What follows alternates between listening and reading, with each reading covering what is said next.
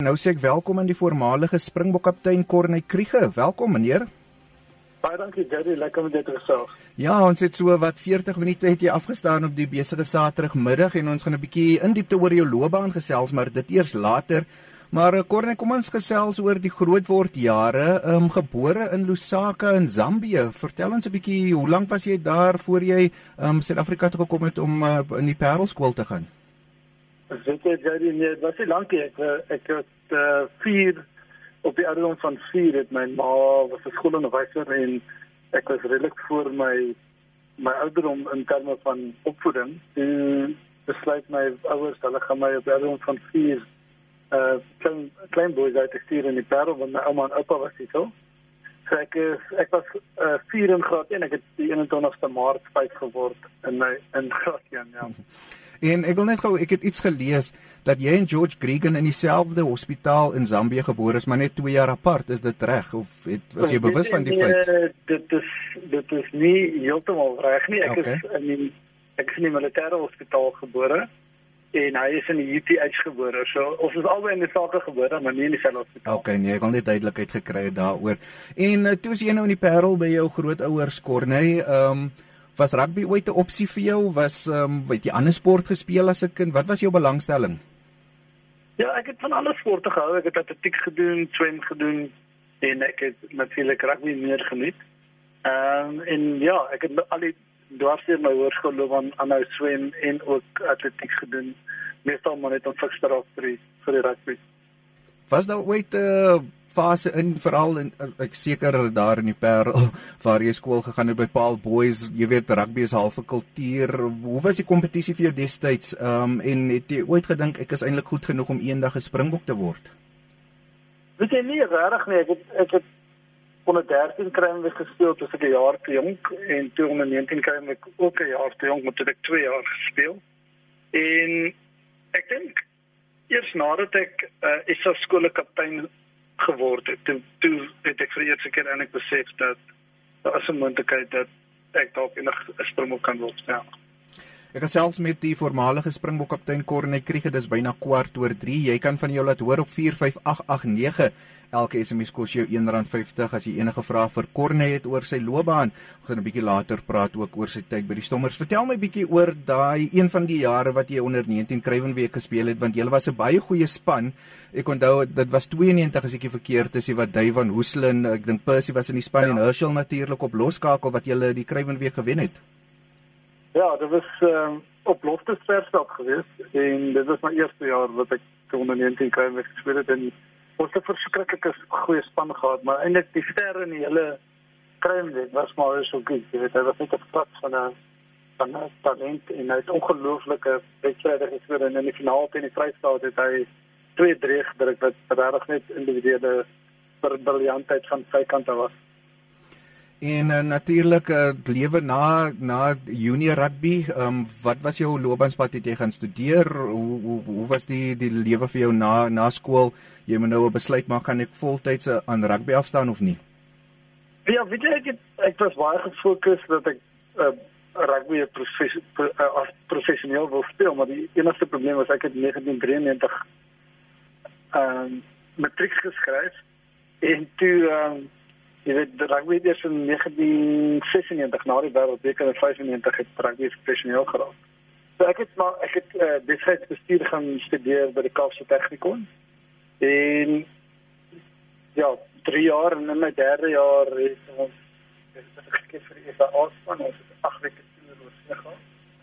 En ja, dit is een van my studies en ek het nooit my finale eksamen geskryf nie. En hmm? ja, hoe gelukkig het rugby dan mooi na my gekyk.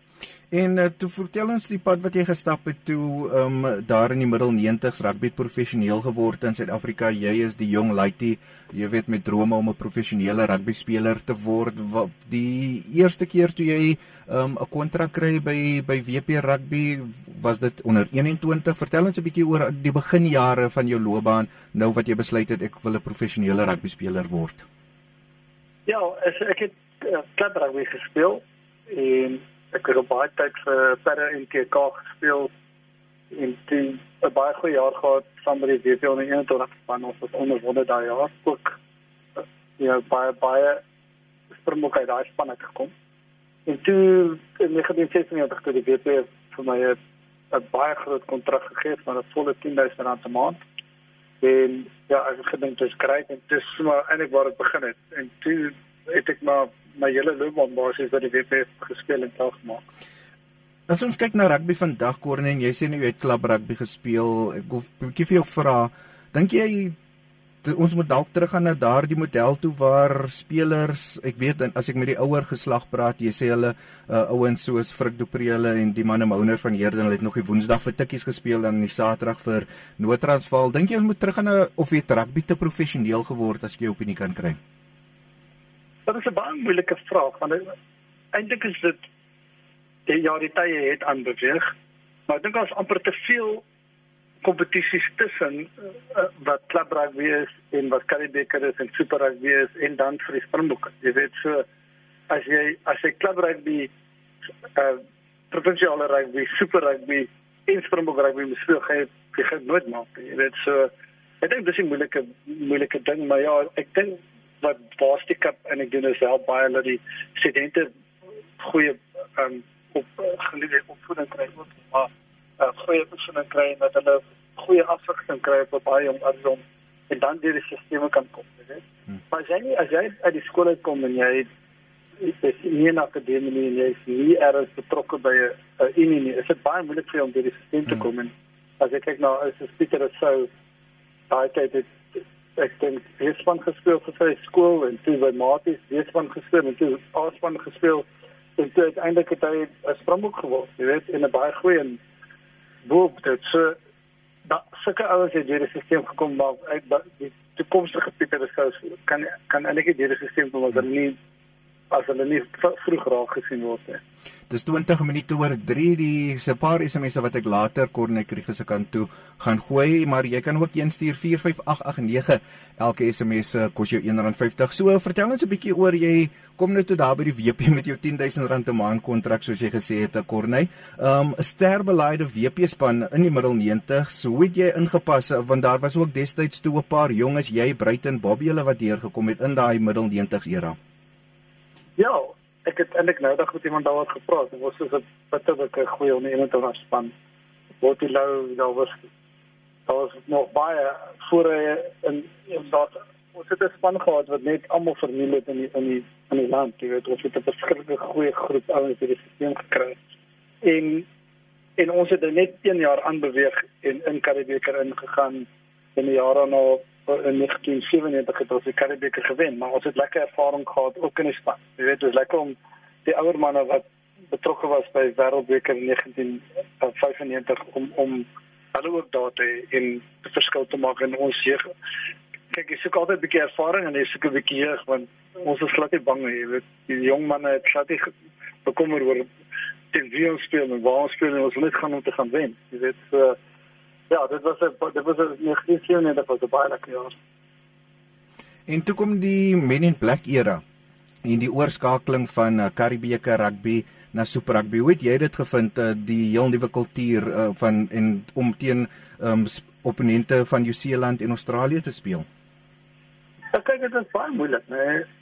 vir die jong maar ek om om Karibeker te sien jare na as jy in super rugby in en dan speel ek in die beste in die wêreld. Jy weet ek het in David Campbell en Vincent Brook en Michael Jones en al daai manne gespeel. Jy weet so is 'n bekende medierin.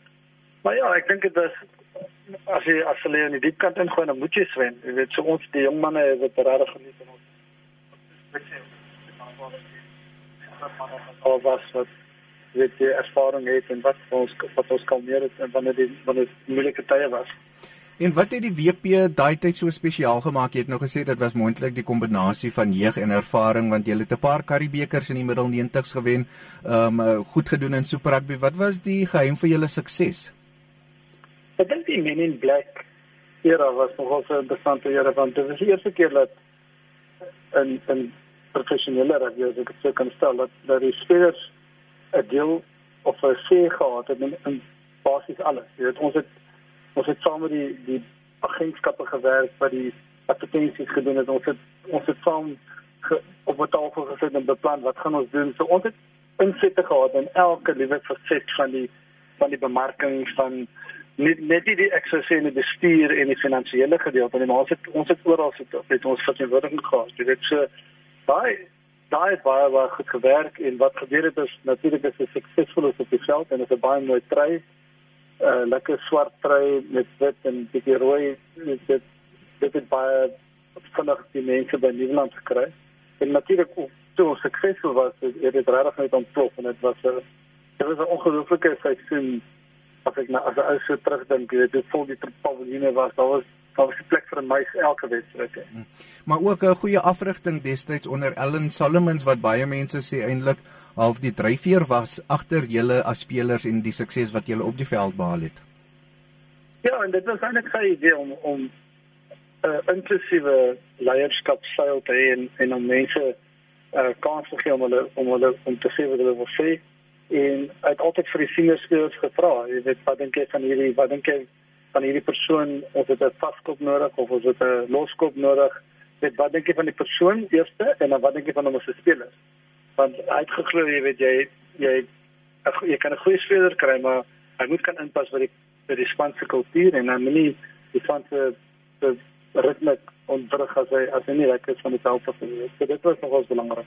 Ja, dis 23 minute oor 3 gesels met Corney Kriege. Dit nog so vir die volgende 10-15 minute hier op RSG en as jy enige vrae het, 45889 dis die kanaal. Ek gaan dit 'n bietjie later Corney se kant toe gooi. Ehm um, vertel my bietjie oor toe jy nou uiteindelik want daar jy het nog 'n spraak van die leierskap korps, jy Bobby, ehm um, ek seker Percy Bruiten, uh, Bram van Straaten, maar toe jy nou uiteindelik die geleentheid kry om uiteindelik ehm um, op Super Rugby en op Karibeker vlak die span aan te voer. Wat het dit vir jou beteken? Was dit 'n natuurlike oor oorgang vir jou van speler na kaptein? Hoe het jy dit hanteer?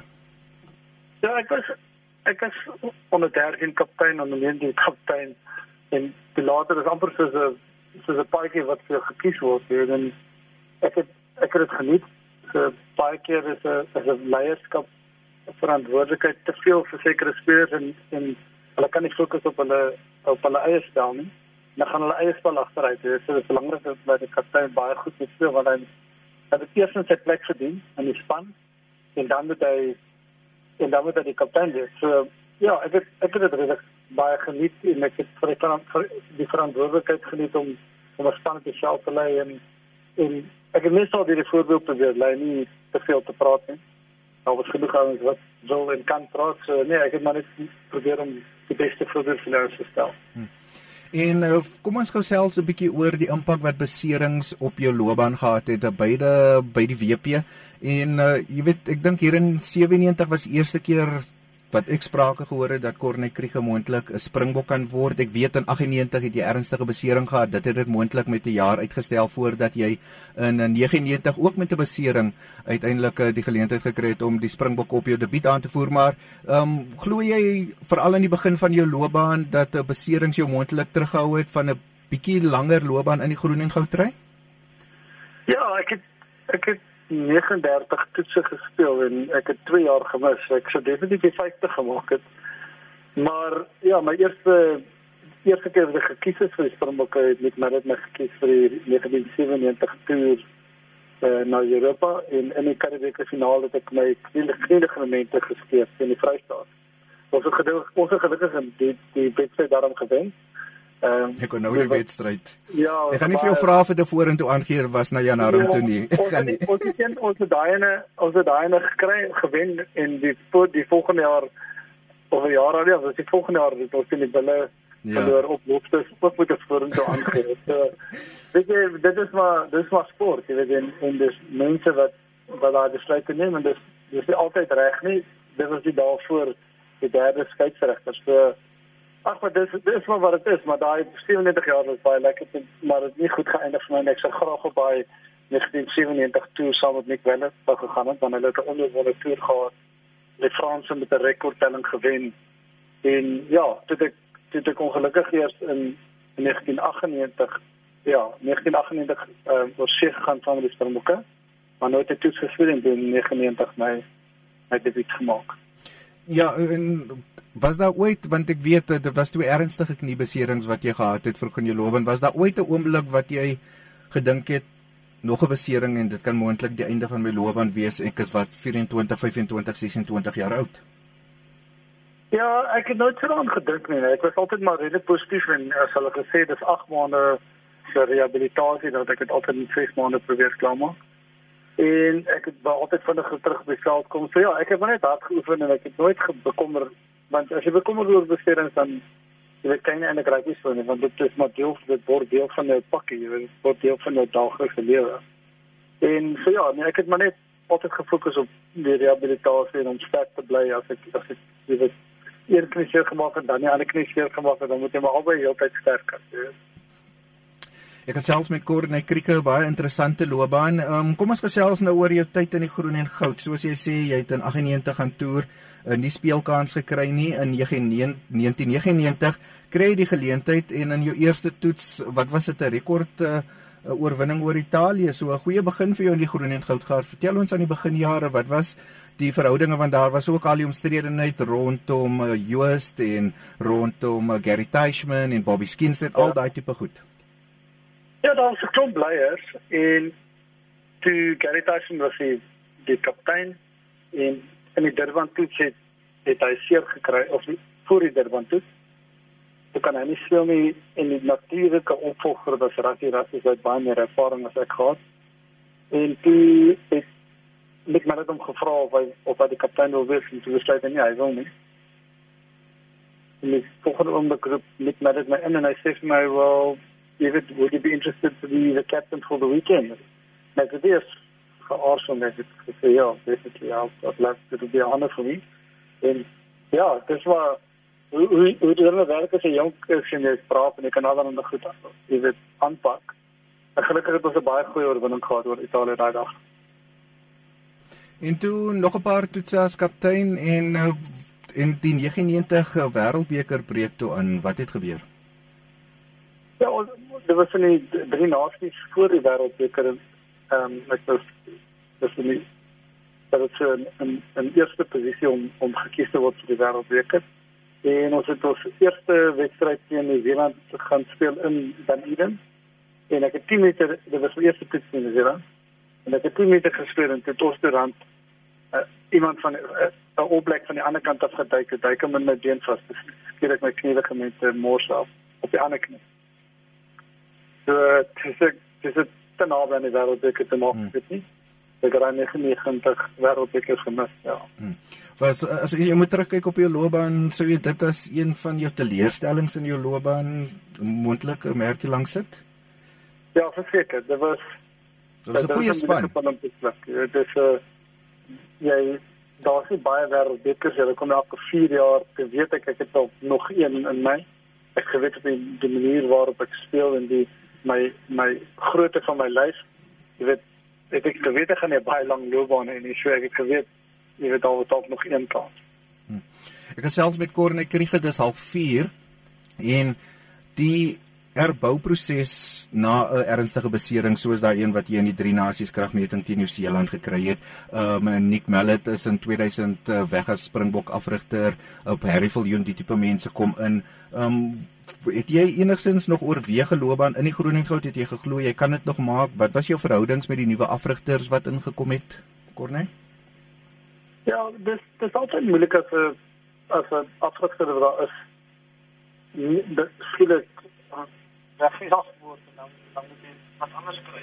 Daai persoon het heeltemal anders dit Harry Flynn ek kan net baie goed oor die weg kom tot by die WP was en toe hy net sy sy beginsel was dat jy groot voorspelers nodig het. Jy weet hy hy het dit vaste glo.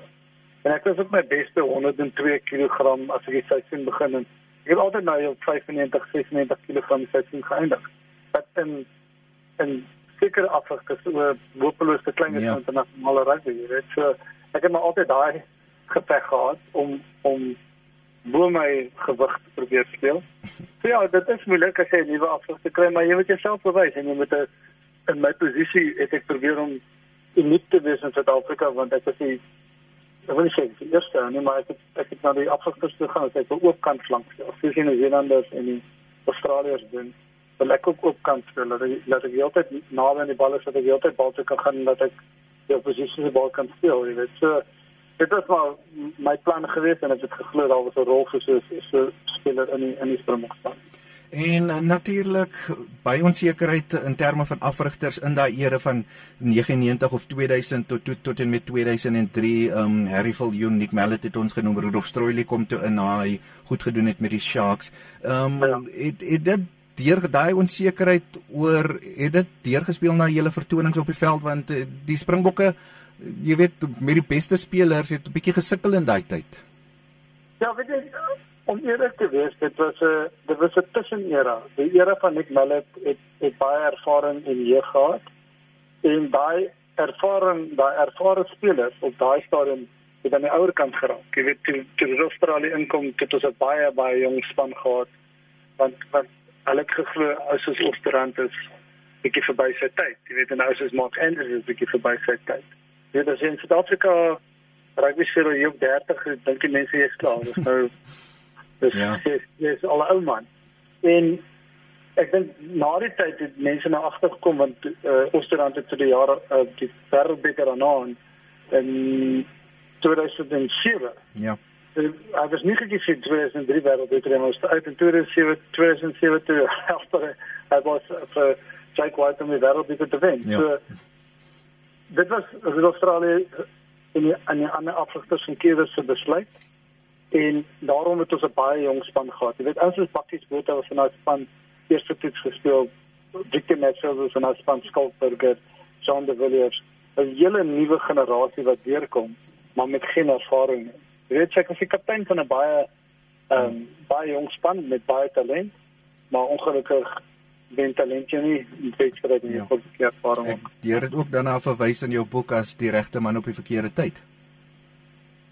Ja, ek dink as ek 'n era voor dit was was ek saam met Nick en as ek 'n era na dit was was ek saam met Jack jy weet so maar miskien sou Jack my nie gekies het want Jack het ook nie ja. glo in 'n in 'n opkant flank nie jy weet en so groot, ja ja ek ek hou van groot spelers so dit het gewerk vir hom sy het die wêreldbeker gewen en ek kan hom nie kritiseer daaroor nie en ja as ek maar 'n era waar jy is hm.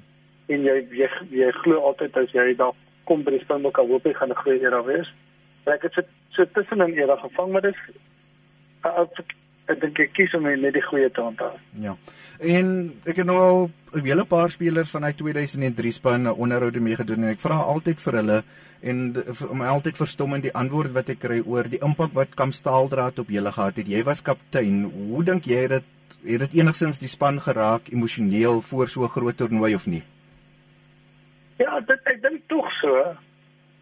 Is moeilik om te sê. Ek dink ek dink ons het 'n goed genoeg span gehad met genoeg ervaring om om Engeland op daai stadium vir die wêreldbeker te gewen het te wen. Maar ons ons het hulle gedruk en hy van die van die okay. Uh, maar ja, ek dink ek het baie op na Australië na daai wêreldbeker in Australië. Hoe en wat dit was waar en uh, ek weet dit is konstant baie ook so so ek in Australië land dis die opbou na as ek nou kyk na die opbou na Japan nou met met Rassie en sy span daar was geen daar was geen kontroversie nie. Daar was geen probleme nie. Dit was alles alles het vlot geloop maar die al die span goed bestuur jy weet so, so ek in Australië land die die pers het my toegeslaan toegepak en ek het in 'n kamer gesit vir omtrent 'n halfuur. Hmm. En al die vrae was letterlik oor rasisme in die span, kampstaal daar hmm. en al daai goed. Jy weet, so dit was rugby was baie ver in die pad af in terme van wat ons kon bring na na die wêreldbeker in 2003. So ja, ek dink die die spanne daarna het, het geleer uit ons foute uit. Ja, ek stem. Um, want dit is nou al my fascinerend soos ek gesê het, uh, iemand soos Ricardo Loubser wat sê Staaldraad het hom weet sterker emosioneel gemaak en iemand soos Jou van die Kerk sê dit was totaal en al chaos en jy weet hy kon dit totaal en al hanteer. So ek is bly jy het 'n bietjie konteks gegee oor hoe dit vir julle as 'n span geraak het. Um kom ons gesels oor 2003 se Wêreldbeker. So jy gaan as een van die meer ervare manne. Jy het gesê baie goed het van die veld af gebeur. Het jy as kaptein eerlik geglo ons het 'n kans hier om om die toernooi te wen gegee wat in 95 en hoe goed Nick se span in 99 gedoen het. Ja. Ek dink as 'n span glo jy altyd ons het bitter hard geoefen. Ons was ongelooflik fiks. of as jy ervaring gehad het, het ek altyd bekommer oor, maar jy weet nooit in 'n in 'n wêreldbeker jy wen een wedstryd in jou in jou groep en ewe skielik is jy in 'n in 'n posisie waar jy waar jy dit ding kan wen. Jy weet so as jy kyk na daai 2007 wêreldbeker het ons nie een van die groot spanne gespeel nie, dit was op Fiji in die kwartfinale gespeel en en van ehm uh, ja, ons het ons het 'n redelike maklike wedstryd gehad tot en met die finaal. So enigiets kan gebeur. So ja, as 'n speler glo jy altyd jy kan. Natuurlik as 'n leier en 'n en 'n 'n realist kan ek dit sê ek altyd bekommer oor oor ons ervaring op die veld en ons besluitneming onder druk in groot wedstryde. Jy weet so ek dit op 'n einde seker wat teen ons getel. So Dis 23 minute voor 4 ek gesels met Corne Kriege. Corne, kom ek gooi gou 'n paar van die luisteraars se SMS'e na jou. Toe Corne was 'n vreeslose speler. Ehm um, net jammer oor sy twee kniebeserings. Kan nooit die duikslag op Christian Cullen in Nieu-Seeland vergeet nie. Nou jy het 'n duikslag, Corne. Ja, nee, kyk, daar's 'n paar duikslae wat jy nie vergeet nie. So, so ek dis dis dis een van die eerste kere wat ek letterlik uit was vir die kers op die veld. En hy was ook uit. En ek het toe bykom toe die dokter gesê nee maar like hy vir my omreg het toe gaan ek maar af. Maar dit was letterlik ons het daar ons het die die die beeldmateriaal voor die tyd gekyk en ek gesien hy hardloop as hy die bal vang aan die regterkant van die veld hardloop in die middel toe dan trap hy van sy linkervoet af uit 'n verskriklike aftrap gehad. Hmm. En ek kan dit ek kan dit is soos 'n soos 'n soos 'n rolprent voor my afgespeel. Jy weet, ek kan dit ek sal dit nooit vergeet en toe hy so middellyn toe hardloop, toe hardloop ek al klaar daar net link op my lyn links van die middellyn. Toe hy trap met sy linkervoet af. Hy trap hy natuurlik reguit na my toe en ek kyk toe, maar dit's klein bietjie laat geduik. Toe het ek ehm um, dit ons koppe mekaar getref, maar hy was ook katsvink geweest. Maar ja, ek was altyd maar my plan, maar was Mm. As dit as dit deur my geduik was, waar gehad het dat met weet is deur my geduik. Ja, ek gesels met Corne Kriege dis byna 20 minute voor 4. Ehm um, 'n paar mense wat wil weet oor 2003, heelwat vra oor daardie wêreldbeker. Ehm um, wat was na die losing teen Engeland? Wat het wat was die gevoel in die kamp? Het, is dit waar dinge vir julle verander het waar julle gedink het okay, dit gaan nou 'n bietjie moeiliker wees vir die luisteraar? Ja, weet jy, dit was eintlik 'n losing. Ons het ons was ons was in die wedstryd al die pad en Louis kon dit toe 'n skop probeer uitvoer wat toe afgestorwe is en daai drie en twee skepskoppe van Johnny Wilkinson wat sy wat hom wat hulle uiteindelik die wêreldbeker gewen het het het, het die telling redelik groot gemaak. So ja, dit was dit was 'n wedstryd waar alle begin ehm uh, party het onder mekaar oor oor hulle nie die hulle sin gekry het. Jy weet, so ons het bitter goed gedoen onder die omstandighede. Maar jy weet soos jy sê as jy genoeg ervaring het dan kan jy daai die moeilike tye kan jy deurtrek en jy, jy kan kalm bly en en en die regte ouens met die regte ervaring tree in op die regte tyd en hulle doen wat wat gedoen moet word en, en Johnny Walker van die daar baie hmm. goed. En uh, hier's 'n paar van jou bure in uh, die buurt waar jy bly in die Kaap Blouberg wat groete stuur Corneil. En dan ook 'n hele paar vrae van mense wat wil weet uh, wie was jou moeilikste teenstander in Suid-Afrika en in, op internasionale vlak? Ja, dit is interessant dat mense vra vir Suid-Afrika want hulle vra altyd op in, in weet dit wie se moeilikste teenstander en en as jy Suid-Afrikaner is dan sê jy jou moontlike New Zealand se naam. En jy raak later so gewoond aan om teen jou teen jou ouens hier in Suid-Afrika te speel. Jy weet so my moeilikste teenstander in Suid-Afrika nie my posisie nie, maar net net regtig moeilik om teen te speel was al die geld aan hy van hy was hy was 'n moeilike man en as hy nie as hy nie in in lyn getree het, het hy sommer uitgeslaan. Jy weet so daar was nogal 'n intimiderende speler om teen te speel. En dan internasionaal het ek Josh Kronfeld was daai tyd die oopkant flank van New Zealand. En toe later Richie McCall wat my posisie wat wat in dieselfde posisie as ek speel en en daai as jy oopkant flank speel is dit 'n amper soos haker jy weet dis individuele battle teen mekaar. So ja daai seker maar die twee local en en internasionaal Corneille, kom ons uh hier's 'n interessante vraag wat ek gou jou kant wil gooi voor ek aangaan met my vrae en die luisteraar is anoniem vra oor losvoorspelers en die aanpassing kan enige speler tussen 6, 7 en 8 skuif met gemak of uh, is dit 'n aanpassing? Dit is definitief 'n aanpassing. Maar as jy speler genoeg talent het kan hy en as hy die regte lyf het vir die posisie.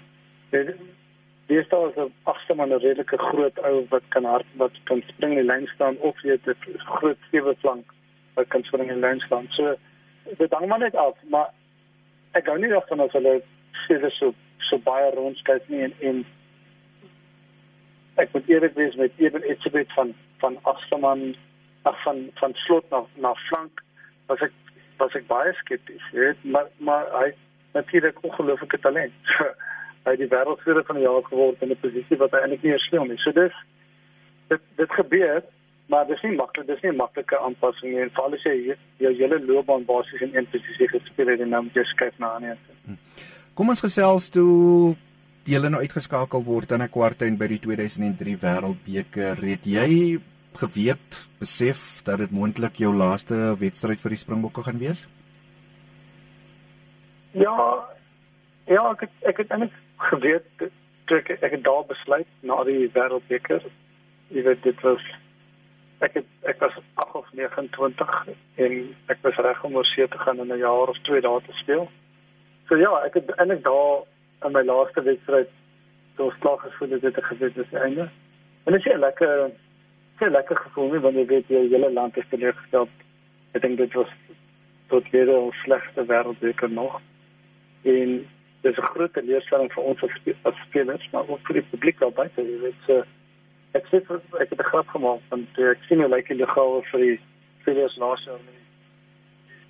Dit is vir 2019 nou, um, met die wêreldbeker wen dis ek slaag. Dis er was baie mense by hulle gehou gewees om vir seker kollegiale te versorg. Hmm.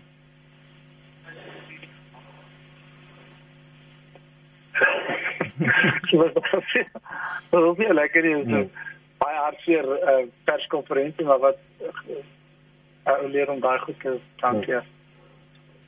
Ehm um, oor see 2 jaar by Northampton, wat het dit vir jou beteken? Was dit altyd iets wat jy beplan het, um, of was dit maar net as gevolg van die omstandighede hier in Suid-Afrika wat jy besluit het of was dit ook al 'n besluit wat jy vroeër gemaak het? Ja, ek het altyd ek het altyd geweet ek wil gaan klaarmaak in Engeland en ek ek wou ek ek het tot begin rugby so dit gesê gaan op 30 klaarmaak.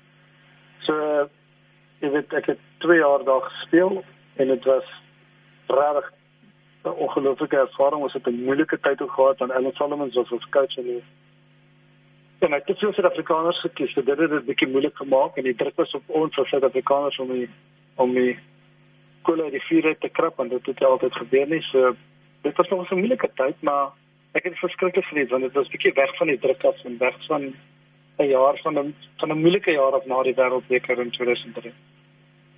En glo jy jy het nog gesê dit was altyd uh, jou plan om op 30 die toks op te hang. Was daar enige jy weet het jy gevoel ek wil dalk tog 'n jaar of twee aangaan ek het nog iets om rugby te bied of was dit uh, jou besluit en jy wil aanbeweeg na die volgende fase van jou lewe toe na daai na daai tyd in Engeland? Ja, weet jy, het my dogtertjie is gebore in, in Engeland en ek het my nek seer gemaak letterlik 3 weke na sy gebore is. En ek het my nek baie seer gemaak en ek het jy nou uh, sy rigting gegaan en hy het gesê hoe lank wil jy nog rugby speel? Sy sê kom, "Wie jy sê jy vir my hoe lank wil speel?" Toe sê "Was ek jy was dit ek opgehou." So en toe wou ek ook. So ek het ek het baie hou gevat met rugby. Ek het baie krones lekker my kop gehad. Ek het alles gebreek in my lyf.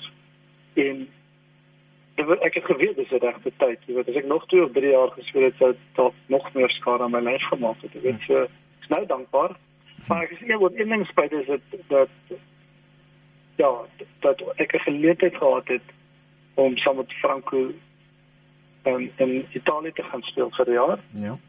En ja, ek daaroor is ek daaroor is ek nog wel spyt want Franco het my genooi by en ek sê ag, dis dis te te kom speel en ek het ehm um, gesê weet jy wat ek het vra.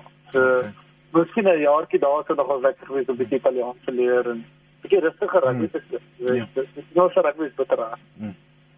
Ek gesels met Corne Kriege byna groetheid nog so 'n paar vrae vir my of dan gaan ek eh, vir hom vaarwel roep. Um, en die aanpassing vir jou lewe na rugby, waar waarmee het jy jou besig gehou daai eerste paar jaar? Ek weet jy is nou by 'n paar goed soos Larius en uh, verskeie organisasies betrokke. Wil jy 'n bietjie praat oor jou lewe na rugby? Ja, dit was die dis een van die moeilikste goed wat ek nog ooit gedoen het.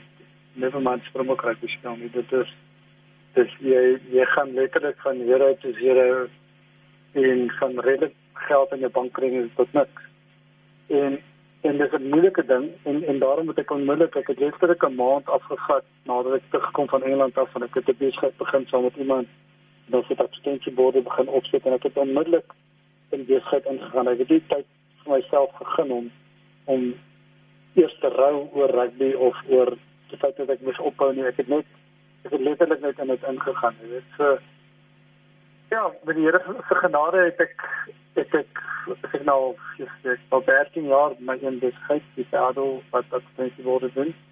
En ja, ons is ons is nog nie ons is nog nie gaan, dis maar net sê. Ehm um, enigstens nog betrokke by rugby word jy genooi om praatjies te doen by skole te gaan help of is dit nou net besigheid vir Kornekrige? Ja, dit is ek redelijk baie praatjies. Ek het ook al hierdie week in Brazilië se eniging daar in Highfield. So ek doen ek doen baie praatjies eintlik val om die rugby en daar's nou baie lank klas rugby gewees. So hmm. Ja, ek doen redelik praatjies en ek praat oor leierskap en ek praat oor jy weet motivering en jy weet motivering sonder 'n eindbestemming is is is 'n moeilike ding want ek het dit gesien op Twickenham wat ons nie eens nie eens al oor gepraat het vanaand vandaan. Hmm, hmm, so ja, nee, ek ek geniet geniet dit om jy weet die die arena te betref as iemand wat wat bietjie met ervaring kan praat. Hm. Ehm um, as jy nou moet sien wat Rassie vermag het te Franco met Italië en al die ander ouens met wie gespeel het, het jy enigsins dit oorweeg om moontlik in afrigting te gaan? Weet jy jy het tog al staan gedink. Maar ek as jy as jy uitklim met rugby dit moet jy besluit jy jy bly in rugby of jy klim heeltemal uit. Jy kan nie hier ergens in die middel, jy weet jy moet jou hele lewe aan aan dit aan dit oordra. En my fokus was met my dogtertjie wat gebore is en toe 2 jaar later nog seentjie en toe nog 2 jaar later nog gesien ek het drie kinders. En en om afgerig te wees met kinders is dis regtig ligte musiek. Maar so dit val is in Suid-Afrika afgerig waar jy baie reis in die land maar ook oor see. So my keuse was om om by by my familie te wees en natuurlik baie later Dit is vir kinders wat die huis het is, wel is nou al 16, 14 en 12 as ek kinders vir die huis het, is vir ek dit regtig oorweeg om te terug te gaan. Hmm. En Cornet, uh, dis 'n vraag wat ek altyd hier aan die einde se kant toe vra vir ehm um, die legendes wat ek tussen 3 en 4 op 'n Saterdagmiddag mee gesels. Wat het uh, rugby vir Cornet Kriege oor die lewe geleer? Dis 'n interessante vraag. He. Hy het so baie goed vir my geleer. Ek dink wat sport leer is dat jy is so goed soos jy laaste wedstryd. Mm -hmm. Dat jy jy kan nie jy kan nie staat maak op op wedstryde wat weke en weke en weke terug gedoen het. As jy hierdie sal terug wen jy kry, die volgende jaar verloor is jy is jy in die moeilikheid. Mm. Jy weet so dit is maar dit wat sport wat geleer het en ek dink om nederig te wees dit is altyd iemand wat beter as jy is, daar's altyd iemand wat vinniger as jy is, daar's altyd iemand wat sterker as jy is om nederig te wees om om dankbaar te wees vir geleenthede en ja, en jou gesondheid. Ek vir jou gesondheid is natuurlik belangrik vir jou gesondheid regtig om kan jy net sien so dis in maar ek weet my baie geleer in sport in die algemeen, jy weet, sport is altyd baie dankbaar daaroor. Ja. En dan natuurlik ook as jy nou moet terugkyk um, in jou tyd in die groen en goudry en jy kyk waar SA rugby en die Springbok rugby spesifiek vandag is ons is die wêreldkampioene. Uh, jy het vroeër verwys na wat Sia en die manne in Japan vermag het.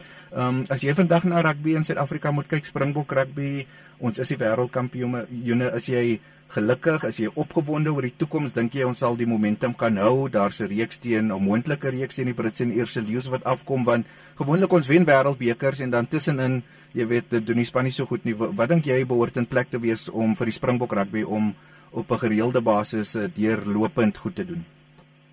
Ek dink Rassie se betrokkeheid sal maak dat daar nie daai gap in die middel is. Jy weet en die die die Engelse woord is seker maar consistency, maar dat daar met 'n afrigting en 'n 'n plan en 'n langtermynplan wat in plek is, dat dit nie elke 2 of 3 jaar verander word en en Russie in die diepkant gooi het 18 maande gehad om voor te berei vir die wêreldbeker. So hy weet presies wat dit vat en hy en hy die uit die regte mense in plek gesit as die direkteur van SRG om seker te maak dat daar langtermyn sukses is. So ek glo ons gaan nie weer daai op en af tussen wêreldbeker sien nie. Dan my tweede laaste vraag voor ek jou groet Corne vanmiddag. Ehm um, COVID-19 die wêreld tot 'n stilstand gebring, die sportwêreld, die besigheidswêreld, twee wêrelde wat jy baie goed ken.